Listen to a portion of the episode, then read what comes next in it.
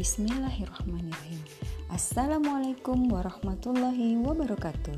Salam jumpa perdana siswa cerdas bersama saya Siti Zubaida. Kali ini saya akan mengajak siswa cerdas untuk mengenal teorema Pitagoras. Tapi sebelumnya kita kenalan dulu yuk dengan Pitagoras.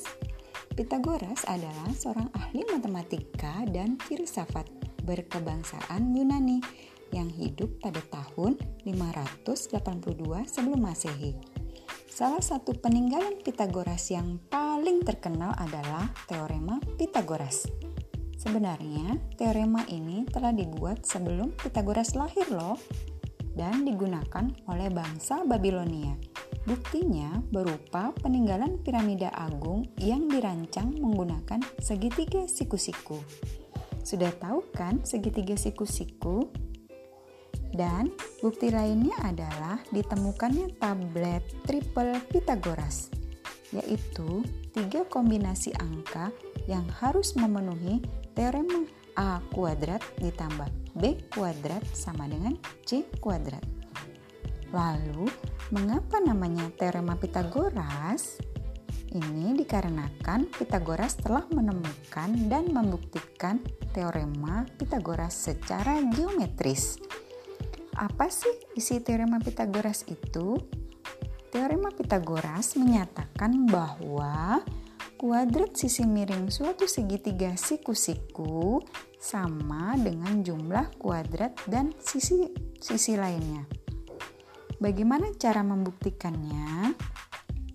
Salah satu cara yang sederhana untuk membuktikan teorema ini adalah dengan menggambar segitiga siku-siku pada kertas milimeter blok dengan sisi A satuan, sisi B satuan, dan sisi miring atau hipotenusa C satuan.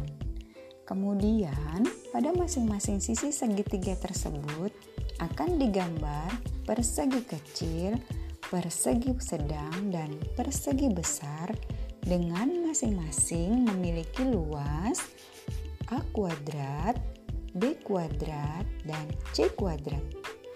Jika kita jumlahkan luas persegi kecil A kuadrat dan luas persegi sedang B kuadrat, maka akan sama hasilnya dengan luas persegi besar yaitu C kuadrat.